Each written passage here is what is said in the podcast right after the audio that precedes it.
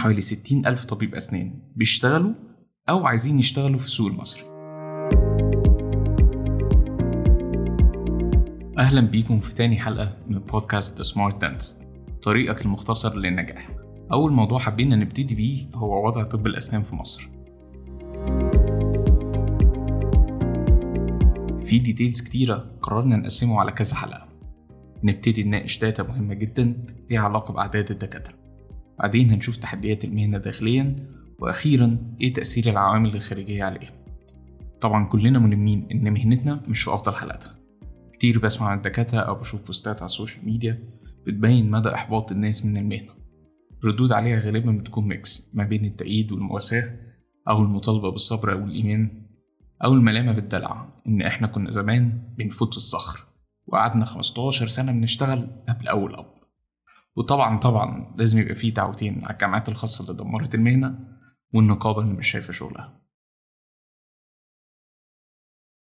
بعيدا عن كل ده ما بشوفش أي أكشن أو حتى نقاش جاد لحل مشاكل المهنة مجرد اقتراحات في أفضل الحالات حتى لو هي ملهاش حل وأنا مش بتفق مع الكلام ده فالسعي في المواقف دي يكاد يكون بأهمية الوصول طب نبتدي منين؟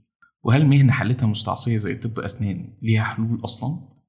قريت في مرة كود غير لي طريقة تفكيري في حل المشاكل. الكود ده بيقولك writing down the problem clearly is 50% of the solution. كتابتك للمشكلة بوضوح هي 50% من حل المشكلة. لأن لما نعرف أصلا المشكلة حقيقي مش ظاهرها نقدر فعلا نبتدي نحط حلول ونجرب. ده اللي إحنا هنعمله مع بعض في حلقتنا النهاردة. طب إيه المشكلة؟ المشكلة ببساطة بدايتها إن أطباء الأسنان الصغار بيجدوا صعوبة في الحصول على عمل مجزي. لما نيجي نسأل ليه أول إجابة هتقابلنا هي إن أعداد أطباء الأسنان في السوق المصري كتيرة جدا وده بيخلي فيه منافسة شديدة غير صحية بين الأطباء. غير صحية بمعنى إن الترند العام هو تقليل أسعار الخدمات عشان نأتراكت أكبر شريحة من المستخدمين. فبالتالي أصحاب العيادات مش بيقدروا يوفروا مرتبات مجزية للأطباء الأسنان الجدد. ده بالإضافة لأن الصراحة يعني هو مش مضطر يعمل كده. لأن المعروض من الأطباء الجدد أكتر بكتير من احتياج سوق العمل. في أغلب الحالات صاحب العمل هيحاول يوفر أعبائه أو يزود ربحيته. أنا هنا مش بتكلم عن الصح أو الغلط يا جماعة أنا بتكلم في واقع موجود هنا وبره. الواقع بيقول إن أهم عنصرين لتنظيم أي سوق عمل هو أولا القوانين واللوائح اللي الدولة والمؤسسات بتعملها ودي في معظم الحالات بتيجي متأخرة جدا فما تعتمدوش عليها.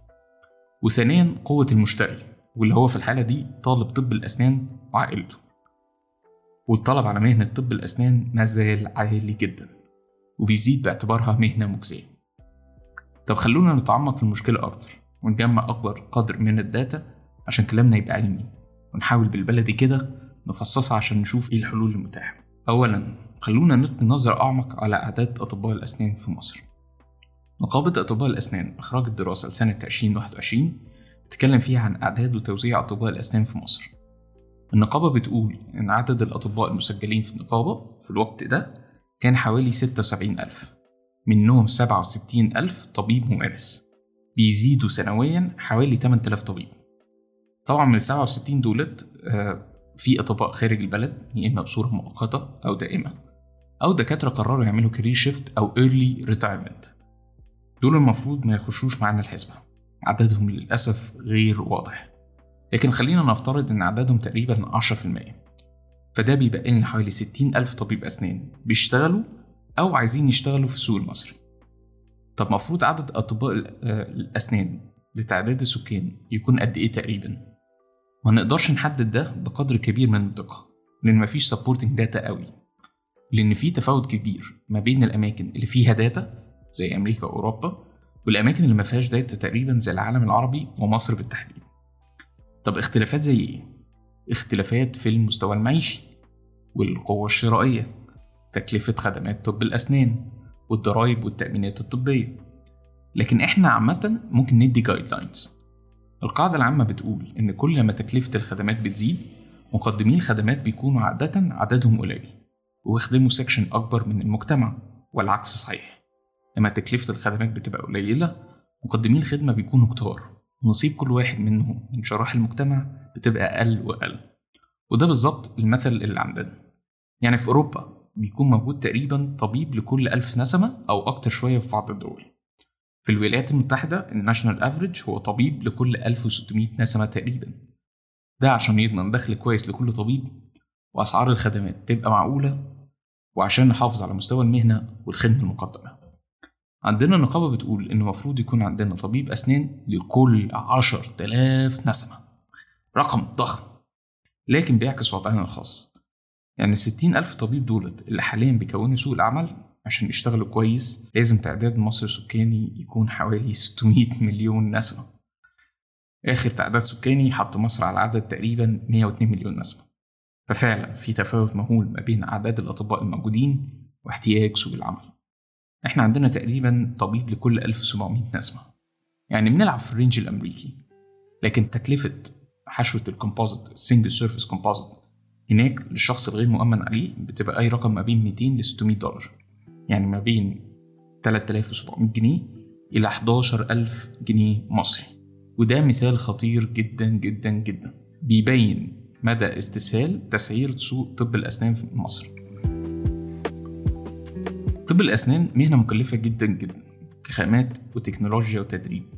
كل حاجتنا بتستورد تقريبا غير حاجات قليلة جدا بتتصنع هنا. فده بيحط 70% من عيادات الأسنان في مصر في خانة تسعير خدماتها بطريقة مش sustainable أو مستدامة.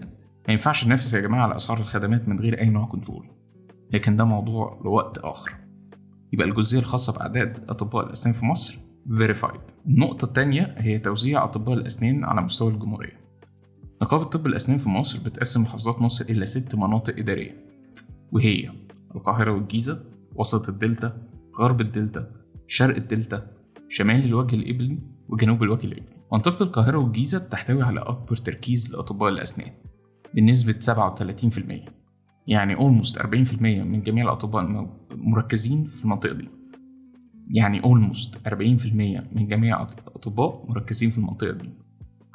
محافظات الدلتا تقريبا بيبقى عندها متوسط 17% لكل منطقة وأخيرا نسبة مناطق الوجه القبلي لا تتعدى 6% طب معناه إيه الكلام ده؟ معناه إن تركيز أطباء الأسنان الأكبر في القاهرة والجيزة والمدن الكبيرة. وده مفهوم طبيعي لأن تعداد السكان والخدمات وطبقات المجتمع المهتمة أكتر بخدمات طب الأسنان موجودة في المدن الكبيرة. فبرضه طبيعي إننا نلاقي منافسة قوية داخل المدن دي. حل ساعتها هيبقى انتشار أطباء الأسنان أكتر مع موجة التعمير في المدن الجديدة اللي الدولة بتبنيها؟ ده مش قرار سهل لأن أنت كشخص بتبقى مرتبط بعائلتك وأصدقائك والأماكن اللي اتربيت فيها أو قعدت فيها فترة طويلة. كمان طبيب الأسنان هيبقى محتاج تمويل قوي عشان يقدر يفتح عيادة في مكان جديد مع اعتبار أساسيات الحياة اللي هي سكن وطعام ومواصلات. وطبعا قبل كل ده لازم يكون متوفر للمريض اللي الطبيب هيخدمه والخامات ومعمل الأسنان اللي هيخدم الطبيب. مش قرار سهل إنك تنقل حياتك لمكان جديد.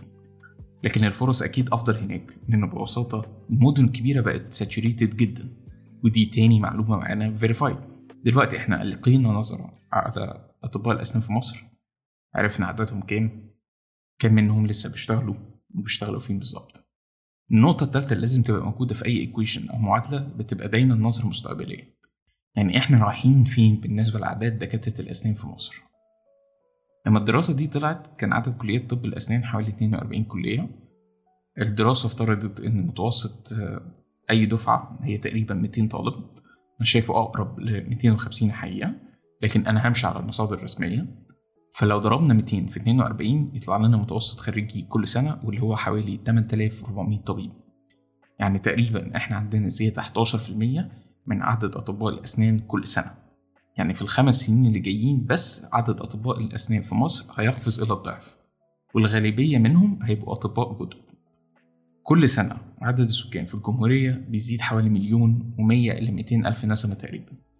لكن مستحيل نوصل للضعف بعد خمس سنين. ده بيبين مدى التفاوت بين معدل زيادة الأطباء والزيادة السكانية.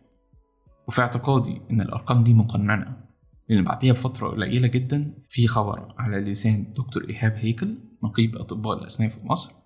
الحقيقة أنا مقدرش أؤكده. بيقول إن عدد أطباء الأسنان حاليا 83 ألف طبيب وطلاب طب الأسنان المقيدين الآن في الكليات وهيتخرجوا في ميعاد أقصاه الخمس سنين القادمة حوالي سبعين ألف طبيب. يعني عدد الأطباء في الوقت ده هيكون مية واتنين خمس ألف. يعني عدد الأطباء في الوقت ده هيكون مية واتنين وخمسين ألف طبيب. والأرقام دي أعتقد هي أقرب للحقيقة لأن عدد كليات طب الأسنان حاليا أصبح سبعة وستين كلية. متوقع إن إحنا نزيد عليهم كمان. ممكن بقى ناخد pause صغير هنا. يبقى كده إحنا بصينا كويس على مهنة طب الأسنان من خلال عدسة الأرقام. وطلعنا بتلاتة facts مهمين جدا. أولا فعلا في تفاوت كبير بين أعداد دكاترة الأسنان وسوق العمل في مصر. اتنين توزيع أطباء الأسنان على مستوى الجمهورية مش سليم. عندنا مناطق زحمة جدا. ومناطق تانية فيها عدد قليل جدا من الدكاترة.